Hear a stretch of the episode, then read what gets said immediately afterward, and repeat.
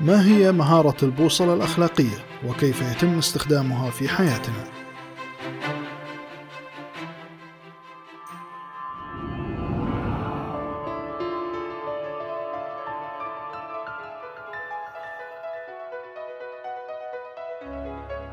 حياكم الله أخوكم إياب المجول وحديثنا اليوم عن مهارة البوصلة الأخلاقية معناها وكيف يتم استخدامها وما الفرق بينها وبين الحياة الأخلاقية التي تكلمنا عنها في وقت سابق. تقول كارول آلت: إذا كانت لديك بوصلة أخلاقية وبقيت معها فسوف ينجذب الناس إليك دائما. على غير العادة سنبدأ حلقتنا لهذا اليوم ببعض الأسئلة التي أتمنى أن نجد لها إجابة. هل تميل إلى التردد في اتخاذ القرارات؟ وهل تميل إلى التصرف بسرعة دون التفكير بالعواقب؟ وهل هناك قدوة لك أو أنك تتأثر بالآخرين؟ وهل تتمسك بشدة بآرائك؟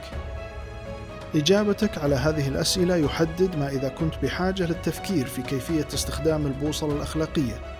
هناك ثلاث خطوات رئيسية يجب القيام بها لاستخدام بوصلتك الأخلاقية بشكل أفضل لتوجيه قراراتك وأفعالك. الخطوة الأولى هي جمع المعلومات وأهم سؤال يجب الإجابة عليه في هذه الخطوة هو ما الذي أحتاج إلى معرفته لاتخاذ قرار أفضل بشأن ما يجب القيام به وتكون الإجابة عليه من خلال ذكرياتك وخبرتك ومواقف سابقة مشابهة أيضا النجاح والفشل والتعلم من التجارب السابقة. قيمك ومبادئك. ومن الضروري أن تكون صادقا مع نفسك بخصوص التجارب وإلا ستكرر نفس الأخطاء السابقة. كما يقول أينشتاين الجنون هو تكرار نفس السلوك وتوقع نتائج مختلفة. أما الخطوة الثانية هي تقييم ودراسة المعلومات التي جمعتها. أنت الآن بحاجة إلى تقييم النسبة الأفضل للإجراء الذي ستقوم به. وسيكون له أثر جيد عليك وعلى من حولك. ولا مانع هنا في هذه المرحلة من طلب العون أو المساعدة ليساعدك من منظور آخر لاتخاذ القرار المناسب. الخطوة الثالثة والأخيرة وهي التنفيذ. هنا يجب التحرك نحو تنفيذ القرار الذي وصلت إليه مع الأخذ بعين الاعتبار أن تتصرف بحزم وبسرعة وأنه يجب أن يكون هناك جانب من المخاطرة في جوانب لديك بعض الضعف في معرفتها. مع التركيز على ما قد تكون ردة الفعل نتيجة قرارك عليك وعلى الآخرين.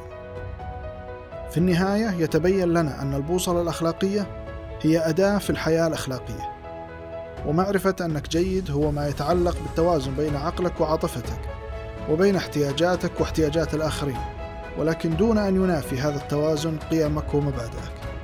أرجو أن تشاركوني أجوبتكم على الأسئلة التي طرحتها في بداية الحلقة لنستفيد منها جميعا. إلى هنا نكون قد أنهينا موضوعنا لهذا اليوم. ألقاكم بخير ودمتم بحفظ الله.